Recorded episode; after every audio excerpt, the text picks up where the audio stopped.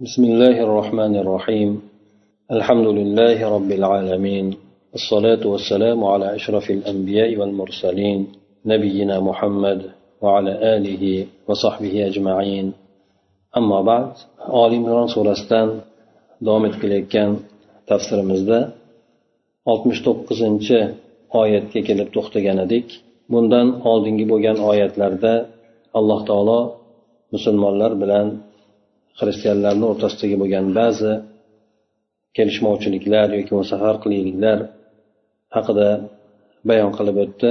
Keyin esa payg'ambar sallallohu alayhi vasallam ahli kitoblarni o'sha najron nasorolarini mubohalaga chaqirishligi ular undan keyin unamagandan keyin payg'ambar sallallohu alayhi vasallamga xitob qilib demak ahli kitoblarni o'rtamizda ya'ni ikkala dinni o'rtasida bo'lgan narsaga ya'ni hamma barobar bo'lgan narsaga ya'ni tavhidga chaqirishligini alloh taolo buyurdi.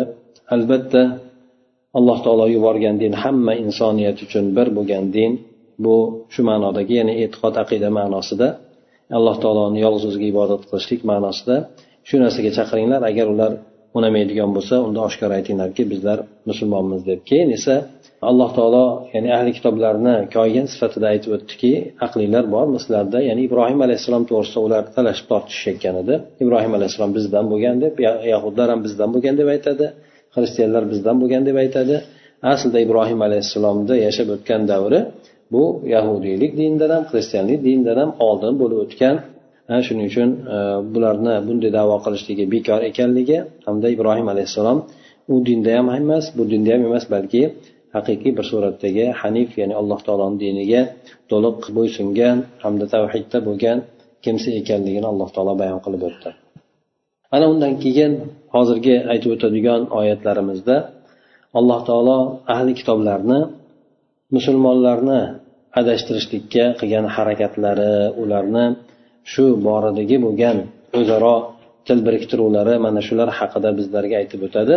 Alloh taolo oltmish to'qqizinchi oyatni ushbu so'zlar bilan boshlaydiki ودت طائفة من أهل الكتاب لو يضلونكم وما يضلون إلا أنفسهم وما يشعرون أي تمنوا إضلالكم بالرجوع إلى دينهم حسدا وبغيا ولا يعود وبال ذلك إلا عليهم لأنهم بذلك التمني يضاعف عذابهم وما يفتنون لذلك لسفاههم وقصور عقلهم ahli kitoblardan bir toifasi sizlarni adashtirishlikni xohlaydi deydi. Adashtirishlikni judayam xohlaydi. Ular aslida o'zlarini adashtiradilar. Bu narsani esa ular sezmaydilar deb alloh taolo aytadi. Bu yerda insonni tabiati shunaqaki agar o'zi bir musibatda turadigan bo'lsa yana o'ziga o'xshagan boshqa bir odamni o'sha musibatda turganligini ko'rsa yengil tortadi.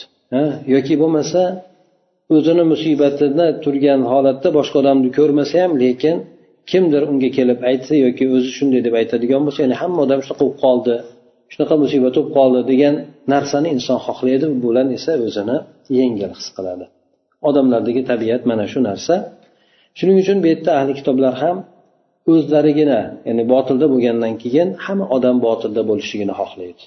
Bir odam yoki bir toifa ulardan ko'ra afzalroq ulug'roq yoki ustunroq bo'lib ketishlikni xohlamaydi. Shuning uchun bular o'zlari botilda bo'lganda shu musulmonlarni ham o'sha o'zlari bilan bir qatorda ya'ni botilda bo'lishligini qattiq xohlashadi deydi.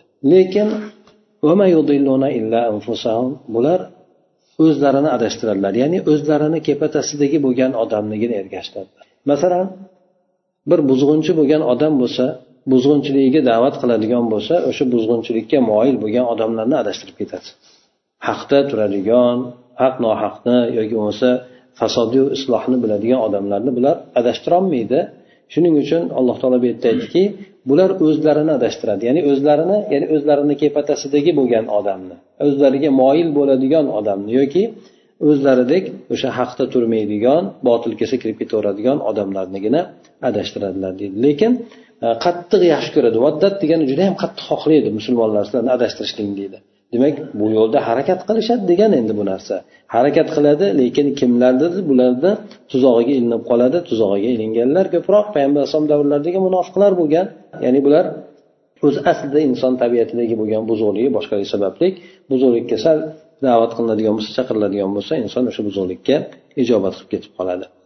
Mufassir aytadiki bular sizlarni o'sha diniylarga qaytishlik bilan dininglarga murojaat qilishlik bilan sizlarni adashtirishlikni bular orzu qilishadi. Ya'ni dininglarda sizlarni adashtirishlikni orzu qilishadi. Bular hasad qilganligidan.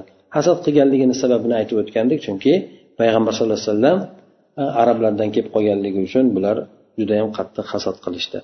Bag'uyan haddan oshib tajovuz ya'ni tajovuz qilib chegaradan chiqib shunday ishni qilishadi. Bularni bu qilgan ishini oqibati esa musibati balosi esa ularni o'zigagina qaytadi. Chunki bu bu orzulari bilan ularni azoblari ko'payadi xolos. Bu narsaga esa ular e'tibor qilishmayapti. Ya'ni inson o'zini gunohini ko'tarishi bilan birgalikda kim adashtiradigan bo'lsa o'sha adashtirgan odamini ham gunohini ko'taradi.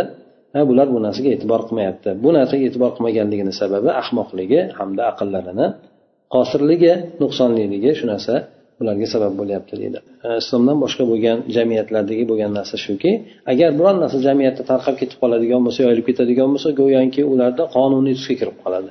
E, ya'ni ulardagi shariati yoki qonuni tusga kirib qoladi. Lekin islomda har qancha odamlarni o'rtasida bir yomon bo'lgan narsa tarqab ketsa u narsaga qonun tusi berilmaydi. Masalan hamma aroq ichib ketgan taqdirda ham aroq halol bo'lib qolmaydi. Lekin bir joyda odamlarda aroqdan man qilsa hamma aroq ichib ketadigan bo'lsa majbur bo'ladi u narsani qonunlashtirishlikka. Buzuqlikni qonunlashtirishdi. Erga bachchavozlikni qonunlashtirishdi. Bu narsa tarqab ketgandan keyin u narsani demak ular sekin sekin ko'pchilik qilgandan keyin bu narsa qonuniy tusga kirib qoladi. Islom dinida shu narsaki garchi hamma bir narsaga o'tib ketgan taqdirda ham haq o'zgarmasdan qoladi. Shuning uchun umar roziyallohu anhuni gaplari ham bor. Agar bir odamni o'ldirishga bir shahar ahli ittifoq qilib shunga jamlanadigan bo'lsa bir odamni o'ldirishlikka shahar ahlini hammasidan o'ch olamiz degan. Hammasi kim ishtirok etadigan bo'lsa bitta odamni o'ldirsa yuzta odam ishtirok etdimi yuztasidan o'ch olinadi. Bitta odamni o'ldirishda bir odam ishtirok etdimi bittasidan o'ch olinadi. Ya'ni yuzta odam bo'libdi ekan deb turib mayli deb turib ya'ni qo'yib bermaydi. O'ch olinadigan bo'lsa hukm ijro qilinadigan bo'lsa hammaga nisbatan teng ijro qilinadi. Shuning uchun har qancha bu yomonlik fasod boshqa narsa ommalashib ketmasin baribir u fasodligicha qolaveradi. Ana undan keyin keyingi oyatda aytadiki lima takfuruna bi ayatillahi va antum tashhadun? Ay lima takfuruna bil qur'anil munazzal ala muhammadin sallallohu alayhi vasallam anta antum tashhaduna annahu haqq. Undan keyin alloh taolo aytdiki ey ahli kitoblar sizlar haqni bilib turib turib o'zinglar shu narsaga kofir bo'lyapsizlar dedi.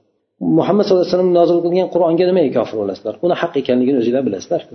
Chunki qur'onda kelgan narsalar ular e'tiroz bildirolmadi u narsalarga payg'ambar sallallohu alayhi vasallamni haq payg'ambar ekanligini bilishar edi shu bilan birgalikda u kishiga kofir bo'lishar edi يا أهل الكتاب لم تلبسون الحق بالباطل وتكتمون الحق وأنتم تعلمون أي لما تخلطون بين الحق والباطل بتحريفكم كلام الله وإلقاء الشبه وأنتم تعلمون صدق ما جاء به محمد صلى الله عليه وسلم ey ahli kitoblar nima uchun sizlar endi haqni nohaq bilan aralashtirib yuborasizlar yana o'zinglar bilgan holatda haqni yashirasizlar deydi.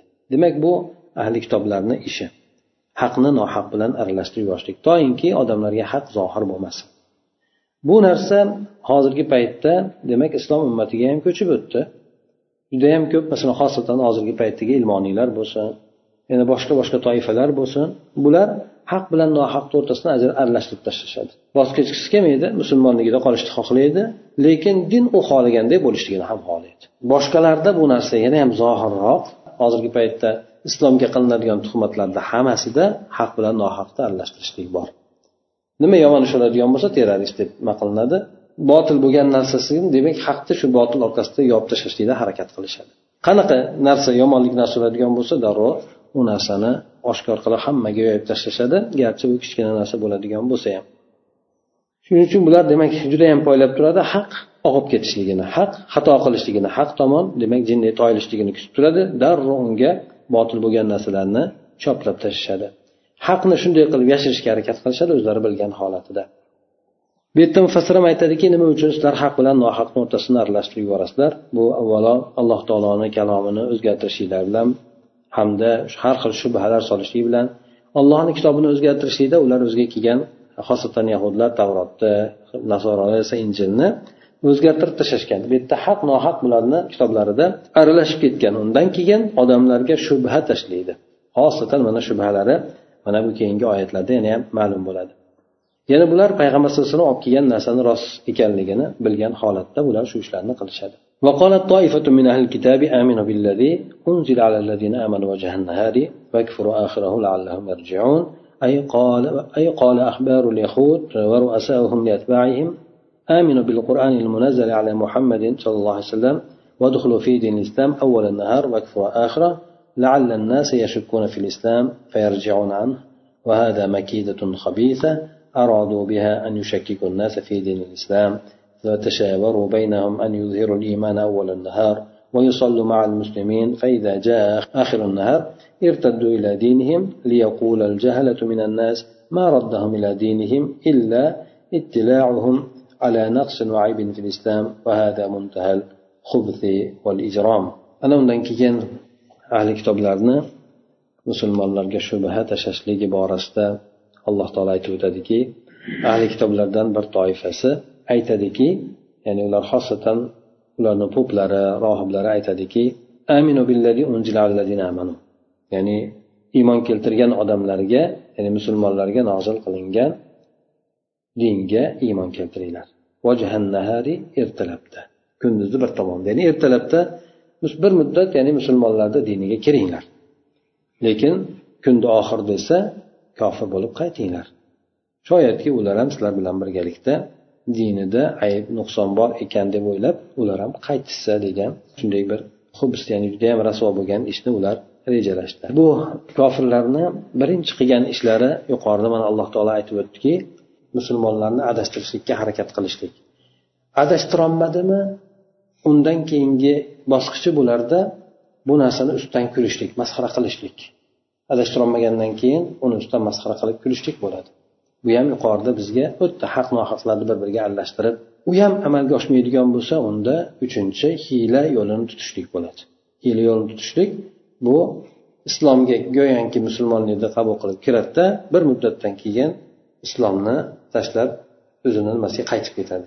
Go'yoki bu bilan odamlar o'ylashib qoladiki xosatan iymoni zaif bo'lgan odamlar yo ikkilanib turgan odamlar i buncha odam chiqib ketgan bo'lsa demak islomda qanaqadir ayb bor ekan boshqa bor ekan deb turib ular ham orqaga qaytib qolishi mumkin. Mufassir aytadiki yahudlarni rohiblari ularni boshliqlari o'zi ergashganlarga aytadiki muhammad sallallohu alayhi vasallamga nozil qilingan qur'onga iymon keltiringlarda islom diniga kunduzni avvalda kiringlar.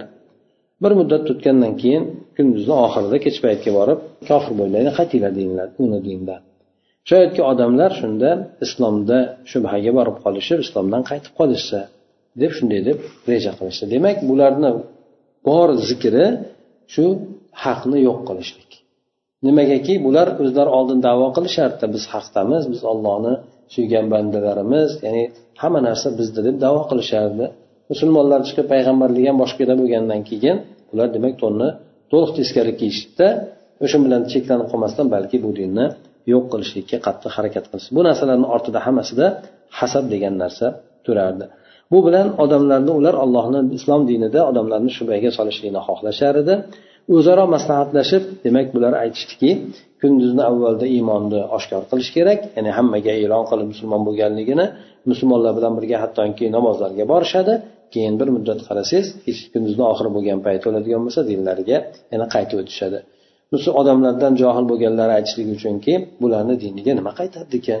Bular islomda bironta aybi nuqsondan xabardor bo'lib qolishi kerak deb odamlar shubhaga borib qoladi mana shu narsa demak yaramaslikni jinoyatni eng chekkisi eng cho'qqisidir deb aytib o'tadi ولا تؤمنوا إلا لمن تبع دينكم هذا من تتمة كلام اليهود حكى الله عنهم أي يقول بعضهم لبعض لا تصدقوا ولا تطمئنوا إلا لمن كان يهوديا على دينكم قال الله تعالى ردا عليهم قل إن الهدى هدى الله هذه جملة اعتراضية جاءت بين الكلام اليهود أي قل لهم يا محمد صلى الله عليه وسلم الهدى ليس بدينكم ولا بأيديكم بل هو في الإسلام الذي هدى الله إليه المؤمنين alloh bu yerda yana aytishdiki yahudlar o'zaro maslahat qilgan paytlarida sizlar o'zinglarni dininglarga ergashgan kimsagagina ishoninglar shungagina xotirjam bo'linglar ya'ni o'zingizni dinimizda turgan odamlargagina ishonaylik musulmonlar har qancha bo'lishidan qat'iy nazar demak ularga ishonib xotirjam bo'lib qolmanglar. Alloh taolo bularda haqida ulardan hikoya qildi bu gaplarni. Ba'zilariga aytishdiki demak o'zinglarni dinlarda yahudiy bo'lgan odamgagina xotirjam bo'linglar dedi. Demak yahudiylik dini olamiylik dini emas ular ham targ'ib qilmaydi bu narsaga. Balki bu irq irqiylik dini irqchilik dini ya'ni o'zlariga xos bo'lgan din bo'lishligini bular xohlashadi. Alloh taolo aytdiki qul innal huda hudalloh ya'ni hidoyat alloh taoloni hidoyati dedi. Ba'zi mufassirlar aytadiki yuqoridagi bo'lgan oyatda degan oyatda ya'ni bular payg'ambarlik faqat bani isroilda bo'lishi kerak deb tushunishadi.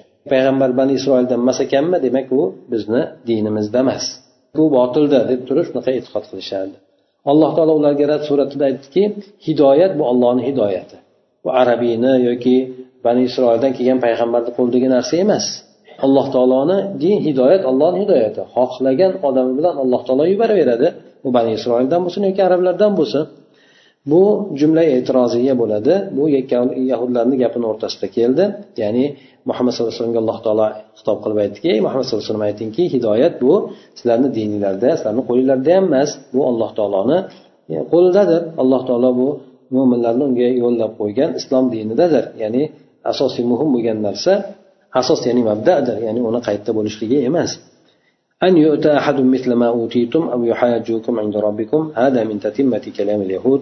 أي خشية أن يؤتى أحد من الوحي والدين مثل ما أنتم عليه من الهدى والإيمان وخشية أن يحتجوا عليكم في الآخرة. فإذا أقررتم بنبوة محمد صلى الله عليه وسلم ولم تتبعوه تكون للمسلمين الحجة عليكم يوم القيامة. وغرضهم نفي النبوة عن رسول الله صلى الله عليه وسلم.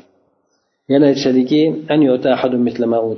ya'ni sizlar berilgan narsaga birontadan berilib qolmasin deydi. Bizga kelgan din bizga kelgan aytaylik bu ne'mat boshqalar birontaga berilib qolmasin. Ya'ni bizdan boshqalarga bo'lmasin bu narsa.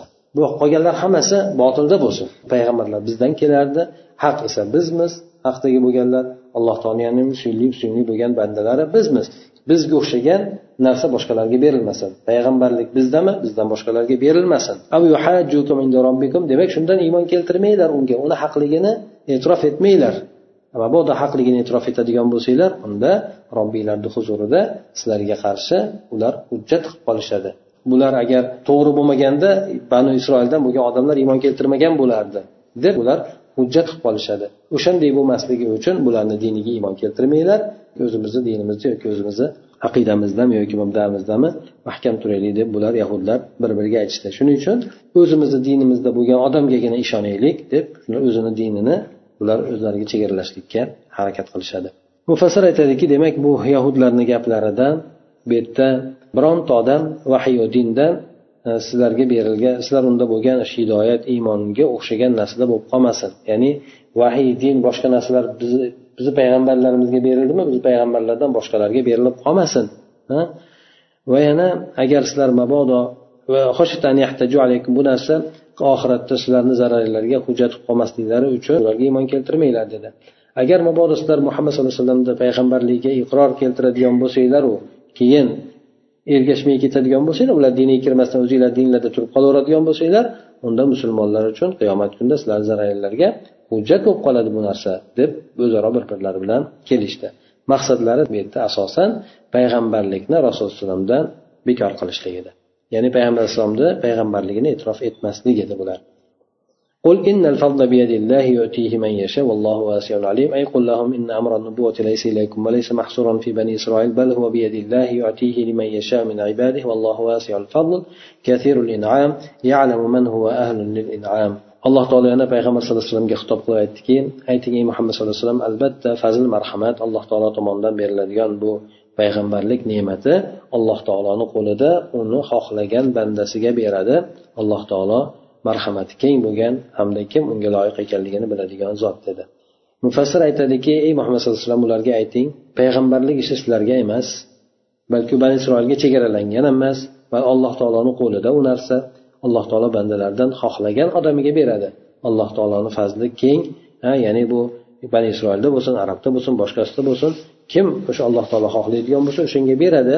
Alloh taolo marhamati judayam keng marhamatli bo'lgan zotdir.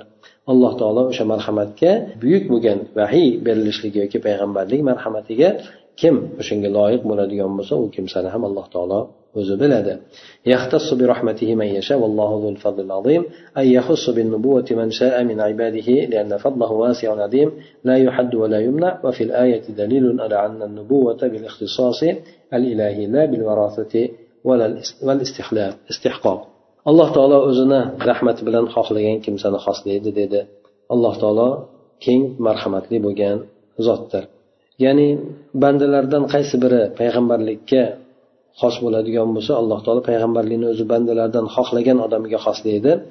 Chunki alloh taoloni fazli judayam keng buyuk bo'lgan zot chegarasi yo'q hech kimni alloh taolo o'zi iroda qiladigan bo'lsa man qilmaydi hammaga beraveradi alloh taolo xohlagan bandalariga.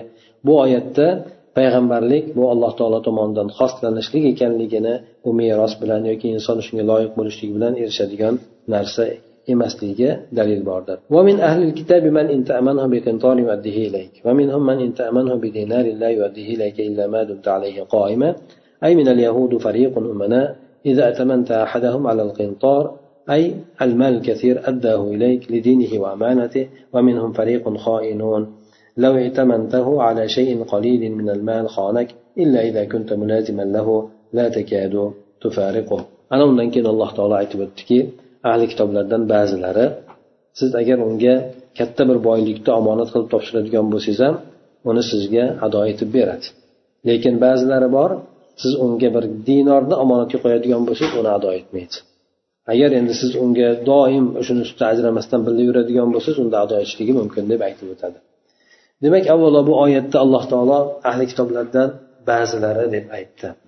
Alloh taolo albatta insonlarni beradigan vasfidan farqli suratda vasf beradi. Ya'ni insonni odati shuki agar mabodo bir toifadan yoki bir shahardan bir aldanib qolsa bir safar qilib turib yoki bir muomala qilib turib shulardan aldanib qoladigan bo'lsa ularni hammasiga hukmni umum qilib yuboradi. Insonni odati shu. Falonchilar deydi umuman anaqa qilishadi bunday qilishadi deb hukmni ommatan qiladi. Lekin alloh taolo bu yerda esa insof adolat bilan ahli kitoblardan ba'zilari dedi.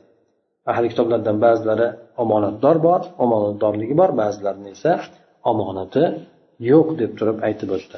Bu yerda yahudlardan bir ishonchli bo'lgan odamlari bor bularda. Siz agar ularga ularni birontasiga katta bir molni ham omonatga qo'yadigan bo'lsangiz sizga uni beradi. O'sha dinida dini uchun omonatdorligi dindorligi uchun omonatdorligi uchun sizga beradi. Lekin yana bir toifa ulardan odamlar borki agar ularda ozgina narsani molingizdan beradigan bo'lsangiz ham xiyonat qiladi. Illo unga lozim tutib birga yurib ajramasdan bo'ladigan bo'lsangiz demak unda ado etishligi mumkin deydi demak bu yerda bu narsalarni nimaga keltirdi alloh taolo? Nimaga endi bu yerda o'rtaga omonat qo'ydi yoki boylikni kiritdi bu yerda? Yahudlar bular payg'ambar sallallohu alayhi vasallam ularni kitoblarida kelgan edi sifatlari. Buni o'chirib tashlashdi yo'q qilishdi. O'zgartirib tashlashdi. Alloh taoloni kitobidagi tavrotdagi bo'lgan hukmlarni o'zgartirib tashlashdi. Shunchalik ishlarga qo'l urgan kimsalar albatta xiyonat qiladi. Bulardan demak xotirjam bo'lmang bulardan bular xiyonatkor bo'lgan insonlardir. Xiyonat qilmaganlari islomni qabul qildi. O'sha payg'ambar sallallohu alayhi vasallamni masalan abdulloh ibn maktum yoki boshqa boshqa islomni qabul qilgan kimsalar payg'ambar alayhisalomni sifatlarini bilib xulq atvorlarini bilib haqiqatdan payg'ambar ekanligini bilib turib iymon keltirishdi. Ulardan demak katta bir toifasi borki ular arzimagan narsaga ham xiyonat qilib yuboradi chunki bular xiyonat qilishlik odati bo'lib qolgan. Katta katta narsalarga xiyonat qilgandan keyin odamga mayda bo'lgan narsa u inson mensimaydi ya'ni mayda bo'lgan narsaga xiyonat qilishligi erta qachon bo'ladi? Shundan yana aytishadiki payg'ambar sallallohu alayhi vasallamni nihoyatda omonatdor ekanligi hattoki nafaqat musulmonlarga nisbatan omonatdorligi balki mushuklarga nisbatan ham omonatdor bo'lganligi mushuklarni mol mulklariga xiyonat qilmaganligi. Hattoki payg'ambar sallallohu alayhi vasallam hijrat qilib ketayotgan paytda ham alini o'sha maqsadda aliga tashlab ketishligi qoldirishligi odamlarga beriladigan omonatlarni aliga berib ketganligi. Bu yerda e, payg'ambar sallallohu alayhi vasallam judayam bir omonatdor bo'lgan. Hattoki nafaqat musulmonlar balki musulmon bo'lmagan odamlarni mulkiga nisbatan ham. Undan tashqari yana payg'ambar sallallohu alayhi vasallamni kuyovlari e, zaynab onamizni erlari. U kishi madinada asrda bo'lib turgan paytida odamlarda u kishida ham mol dunyolari bor ekan. Badr jangidan keyin u kishi asr tushadi. Asr tushgandan keyin u kishiga islom ko'ndalang qilingan paytida agar musulmon bo'ladigan bo'lsa o'z o'zidan u kishidagi bo'lgan mol mulklar u kishini qo'lida qolardi. Ya'ni u kishiniki bo'lib qolardi yoki atrofdagilar go'yoki o'lja bo'lib qolardi. U kishi aytadiki deydi ya'ni men islomni bunday narsa bilan boshlamay birovlarni mulklariga xiyonat qilib boshlamay deb makkaga boradida omonatlarni hammasini egalariga topshiradi. Ana undan keyin kelib turib islomni qabul qiladi. Shuning uchun haligi aytishadi garchi kofirlarni mulki bo'ladigan bo'lsa ham inson omonatga rioya qilish kerak. Kofirlar ya'ni ularni narsasini olsa bo'laveradi deb turib ancha muncha qilinayotgan kimlardir qilayotgan ishlarni o'zlarini oqlagan suratda aytishadida bu narsalarni. Kofirlar ularni olsa bo'laveradi deb turib balki omonat degan narsa kofirda bo'ladimi boshqada bo'ladimi albatta qaytariladi. Illo bu yerda ahli harbga istisno qilishadi. Chunki ahli harb bu dushman jangda bo'lib turgan odamlar bunda endi ularni mulki o'lja bo'ladi. Aks holda omonatdan keladigan bo'lsa inson albatta omonatni rioya qilishlik kerak. Alloh taolo esa bu yerda o'sha arzimagan narsaga ham xiyonat qiladigan odamlarni qoralab yerda ذلك بأنهم قالوا ليس علينا في الأميين سبيل ويقولون الله الكذب وهم يعلمون. أي إنما حملهم على الخيانة زعمهم أن الله قد أباح لهم أموال غير اليهود من العرب وسائر الناس وهم يكذبون الله في هذا الدعوة. ولما قرأ رسول الله صلى الله عليه وسلم هذه الآية ليس علينا في الأميين سبيل قال كذب أعداء الله ما من شيء كان في الجاهلية إلا وهو إلا هو تحت قدمي هاتين إلا الأمانة فإنها muaddatun lil barri val fajid. Ya'ni alloh taolo undan keyin aytdiki bularni shu omonatga rioya qilmaslik boshqalarni qo'ygan omonatlariga xiyonat qilishlikka olib boradigan narsa nima edi? Bular aytishardiki agar omillar bo'ladigan bo'lsa omillar ya'ni yahudlardan boshqalar xosatan arablar bo'ladigan bo'lsa bularda bularga nisbatan qiladigan muomalalarimizda biz muomalalarimizda bizga zarari yo'q deb aytishardi. Boshqalarni mol mulklarini olib tashlashiga ham o'g'irlashiga ham boshqa qilsaga ham bizga hech qanaqangi gunoh yo'q zarar yo'q deyishadi. Bular o'zaro ribo ham o'zaro o'rtasida mumkin emas. Ba'zi narsalarni o'zaro o'rtalarida mumkin emas qilishgan yahud bilan yahudni o'rtasida. Yahuddan boshqalarga nisbatan esa u narsa bemalol hech qanaqangi tab tortmasdan olishaveradi. Ya'ni o'g'irlik qilsa ham boshqa qilsa ham. Shuning uchun bularni bu narsaga undagan sababi undagan sababi boshqa millatlar boshqa dindagi bo'lgan odamlarga qiladigan muomalamizda bizga zarar yo'q deyishardi. Bu gapi bilan esa ular o'zlari bilgan hollarda alloh taologa yolg'onni to'qishardi. Bular aytgan gapini dindan deb e, talqin qilishardi. O'sha yahudlardan boshqalarni mollarini tortib olishlik ularni mollaridan bemalol o'g'irlashlik boshqa qilishlik hamma narsasi bularga halol shariatimiz bo'yicha halol deb aytishardi. Bu narsada ular alloh taologa yolg'onni to'qishadi deb aytib o'tyapti.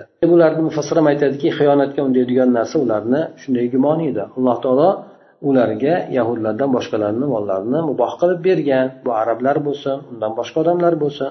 Bu gap bunday davosida ular bunday davosida ular alloh taologa yolg'on to'qiydilar. Payg'ambar sallallohu alayhi vasallam mana bu ushbu oyatni o'qigan paytida omillarda ya'ni yahudlardan boshqalarda biz qiladigan ishimizda hech qanaqangi zarar yo'q bizga. Deb aytgan oyatini o'qigan paytda alloh payg'ambar alayhi vasallam aytdilarki allohni dushmanlari yahudlar yolg'on gapirishdi ular johiliyatda bo'lgan qanaqa narsa bo'lsa ular meni shu ikki oyog'im ostiga qo'yilgan ya'ni bekor qilinadi johiliyatda bo'lgan haqlar bo'lsin qonlar bo'lsin boshqa narsa bo'lsin u narsa bekor qilinadi illo omonat.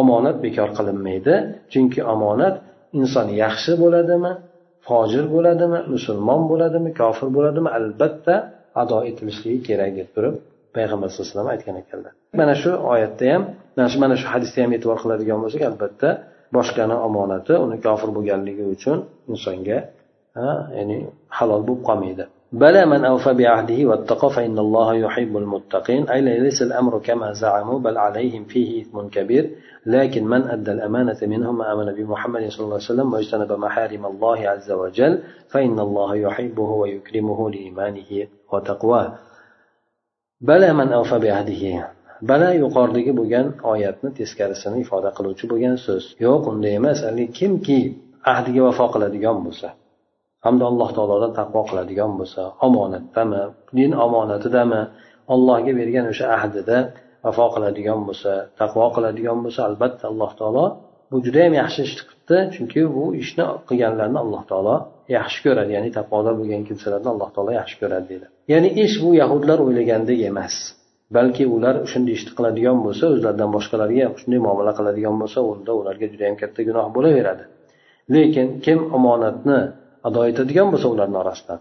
Ya'ni muhammad sallallohu alayhi vasallamga iymon keltiradigan bo'lsa alloh harom qilgan narsalardan chetlanadigan bo'lsa bunday bo'lgan kimsani alloh taolo yaxshi ko'rib ikrom qiladi. Uni iymon keltirganligi taqvo qilganligi uchun. إن الذين يشترون بعهد الله وأيمانهم ثمنا قليلا أي إن هؤلاء الذين باعوا دينهم بعرض من الدنيا حقير فحرفوا التوراة وبدلوا صفات رسول الله صلى الله عليه وسلم طمعا في حب الرئاسة والزعامة ونقضوا العهد الذي أخذه الله عليهم من بيان الحق وعدم كتمانه فعلوا ذلك طمعا في حطام الدنيا وعرضها الخصيص الزائل ana undan keyin alloh taolo allohni ahdiga vafo qilmaydigan kimsalarni oqibatini bayon qilib aytadiki alloh taoloni ahdini ya'ni alloh taologa bergan ahdni qilgan qasamlarini arzimagan narsani muqobilda sotib yuboradigan kimsalar. Ya'ni alloh taoloni bergan ahdiga vafo qilmaydigan qasamlarini o'tamaydigan kimsalar arzimagan dunyoda deb turib ana undan keyin quyida ularni oqibatini bayon qilib o'tadi. Mufassir aytadiki dinini arzimagan dunyo matosiga sotib yuboradigan kimsalar bular bunda tavrotni o'zgartirishdi payg'ambar sallallohu alayhi vasallam sifatlarini almashtirib tashlashdi bu nima uchun qilishdi. Bular biz o'zimizga qolsin boshqaruv dinlar ichidagi eng haqda bo'lganlar biz o'zimiz bo'lib qolaylik degan bularda tama bor edi. Yana ular undan tashqari alloh taolo ularni ustida olgan ahd paymonni ham buzishdi. Bu narsa esa haqni bayon qilishlik edi yashirmaslik edi. Bular bu narsalarni hammasini dunyoni o'tkinchi e, noz ne'matlarini noz ne'matlarida uni o'tkinchi bo'lgan arzimagan matolarida tama qilib shu ishlarni qilishdi. Ozginagina bo'lgan dunyo bilan aldanib dinidan bular o'sha dini buyuradigan narsalardan bular voz kechishdi. Ularni dini ham albatta mana payg'ambar sallallohu alayhi vasallamga ergashishlikni buyurardi. Bu esa keyingi oyatlarda keladi. أولئك لا خلق لهم في الآخرة ولا يكلمهم الله ولا ينظر إليهم يوم القيامة ولا يزكيهم ولهم عذاب أليم. ana o'shanday ishni qiladigan kimsalar bunday baxtiqaro bo'lgan jinoyatchi bo'lgan kimsalarda oxiratda allohni rahmatidan hech qanaqangi ularga nasiba bo'lmaydi ولا يكلمهم الله ولا ينظر إليهم يوم القيامة. لشدة غضبه وسخطه عليهم. المراد أنه تعالى لا يكلمهم كلام أنس ولطف ولا ينظر إليهم بعين الرحمة كما يكلم المؤمنين ويرحمهم. بل يكلمهم كلام سخط وغضب كقوله اخسأوا فيها ولا تكلمون ولا يزكيهم أي ولا يطهرهم من دنس المعاصي والآثام ولهم عذاب مؤلم موجع والآيات نزلت في أحبار اليهود لكنها عامة في كل من حلف بالله كاذبا روى البخاري عن النبي صلى الله عليه وسلم أنه قال من حلف على يمين صبر أي صابر عليها مستهين بعظمة الله عز وجل يقتطع بها مال امرئ مسلم لقي الله وهو عليه غضبان فأنزل الله تصديق ذلك إن الذين يشترون بعهد الله وإيمانهم ثمنا قليلا الآية رواه البخاري bular allohga bergan ahdiga vafo qilmaganliklari hamda o'zlarini dinlarini qasamlarini arzimagan narsaga sotib yuboradigan kimsalar deb turib aytadiki alloh taolo ular uchun oxiratda hech qanaqangi nasiba bo'lmaydi alloh taolo ularga gapirmaydi ham ularga rahmat nazari bilan qiyomatda qaramaydi ham ularni gunohlaridan poklamaydi ham. Ular uchun alamlantiruvchi azob bor deb aytadi. Mufassir baxtiqaro jinoyatchi bo'lgan kimsalar deb nomladida alloh taoloni rahmatidan oxiratda ular uchun hech qanaqangi nasiba bo'lmaydi. Alloh taolo ularga gapirmaydi ham qiyomatda qaramaydi ham qattiq g'azabi qilgan g'azabi kelganligi uchun ulardan juda yam qattiq achchiqlanib g'azablanganligi uchun alloh taolo ularga rahmat nazari bilan qaramaydi. Bu yerdagi iroda qilingan narsa shuki alloh taolo ularga hamrohlik mehribonlik gapirishda gapirmaydi. Qattiq darg'azablik bilan gapiradi. Umuman gapirmaydi degani emas. Alloh taolo ularga rahmat nazari bilan qaramaydi. Chunonchi mo'min odamlarga alloh taolo gapiradi ham rahmat rahmdillik mehribonlik ham qiladi balki ularga gapirishligida alloh taolo g'azablanishlik achchiq judayam achchiq kelganlik gapiradi ularga endi. Xuddi aytadiki mana boshqa oyatda keladi ovozingni o'chirish deydi. Ihsofiya degani ovozingni o'chirish menga gapirishma degan nimada. Har xil narsalar uzrlarini keltirib aytadigan bo'lsa o'ch deydi. Ovozingni o'chir menga gapirma deydi bu borada. Yana alloh taolo ularni poklamaydi ham gunohlardan har xil bo'lgan osiyliklardan ularni poklamaydi. Mana mo'min bo'lgan odamlarni alloh taolo poklaydi. Gunohlarni kechirib yuboradi. Hammasini kechirib yuboradi katta bir qismini kechirib yuboradi. Azoblarni yengillatadi shunday qilib mo'minlarni poklaydigan bo'lsa ularni esa alloh taolo poklamaydi. Sababi aytib o'tganimiz yuqoridagi ular kofir bo'lganliklari. Ular uchun alamlantiruvchi juda yam og'rituvchi bo'lgan azoblar bor. Oyat esa yahudlarni o'sha rohiblari to'g'risida nozil bo'lgan bo'lsada lekin bu o'sha umumiy suratda yolg'on qasam ichgan hamma odam to'g'risida kelgan umumiy gapdir. Ya'ni bu yerdagi ularni aytgan gaplari ahdlari ahd paymonlari qasamlari deb keldi. Bular yolg'onlik ham qasam ichishadida u narsaga amal qilmaydi. Yoki rosa kamiga qasam ichib turib bu narsalarga amal qilmaydi. Shu odamlar to'g'risida alloh taolo tomonidan kelgan vaid bu. Alloh taolo unday kimsalarga xosatan bo'lib ham katta katta bo'lgan narsalarga qasam ichib turib unga xiyonat qiladigan bo'lsa unda alloh taolo ularga rahmat nazari bilan qaramaydi degan mazmundagi oyat bo'ladi. Imom buxoriy payg'ambar sallallohu alayhi vasallamdan rivoyat qilgan ekanlar aytgan ekanlarki payg'ambar sallallohu alayhi vasallam kimki bir qasam ustida bir qasam ichadigan bo'lsa sobrin ay sobrin alayha unda mahkam turib olib ha bo'ldi qilaman bo'ldi unaqa qilamiz bunaqa qilamiz deb turib lekin bu bilan birgalikda ollohni buyukligini arzimas sanab biladi ichida shu narsani qilmaydi lekin inson og'zida shuni qilaman mahkam bo'laman turaman deb turib qasam ichadida bu bilan bir odamni molini o'zini o'ziniki qilib olmoqchi bo'ladi. Bir odamni mol dunyosini o'ziga olmoqchi bo'ladi. Ya'ni yolg'on qasam bilan insonni molini o'zlashtirmoqchi bo'ladi. Bunday qiladigan odam alloh taologa qiyomatda g'azablangan holatda yo'liqadi. Alloh taolo undan juda yam qattiq g'azablanadi deb. Ana o'sha narsani tasdiqida alloh taolo mana bu oyatni nozil qilgan deb payg'ambar sallallohu alayhi vasallam aytgan ekanlar ya'ni alloh taoloni bergan ahdlarini qasamlarini arzimagan narsani muqobilda sotib yuboradigan kimsalar deb. Buni imom buxoriy rivoyat qilgan سبحانك اللهم وبحمدك نشهد أن لا إله إلا أنت نستغفرك ونتوب إليك اللهم انفعنا بما علمتنا وعلمنا ما ينفعنا وزدنا علما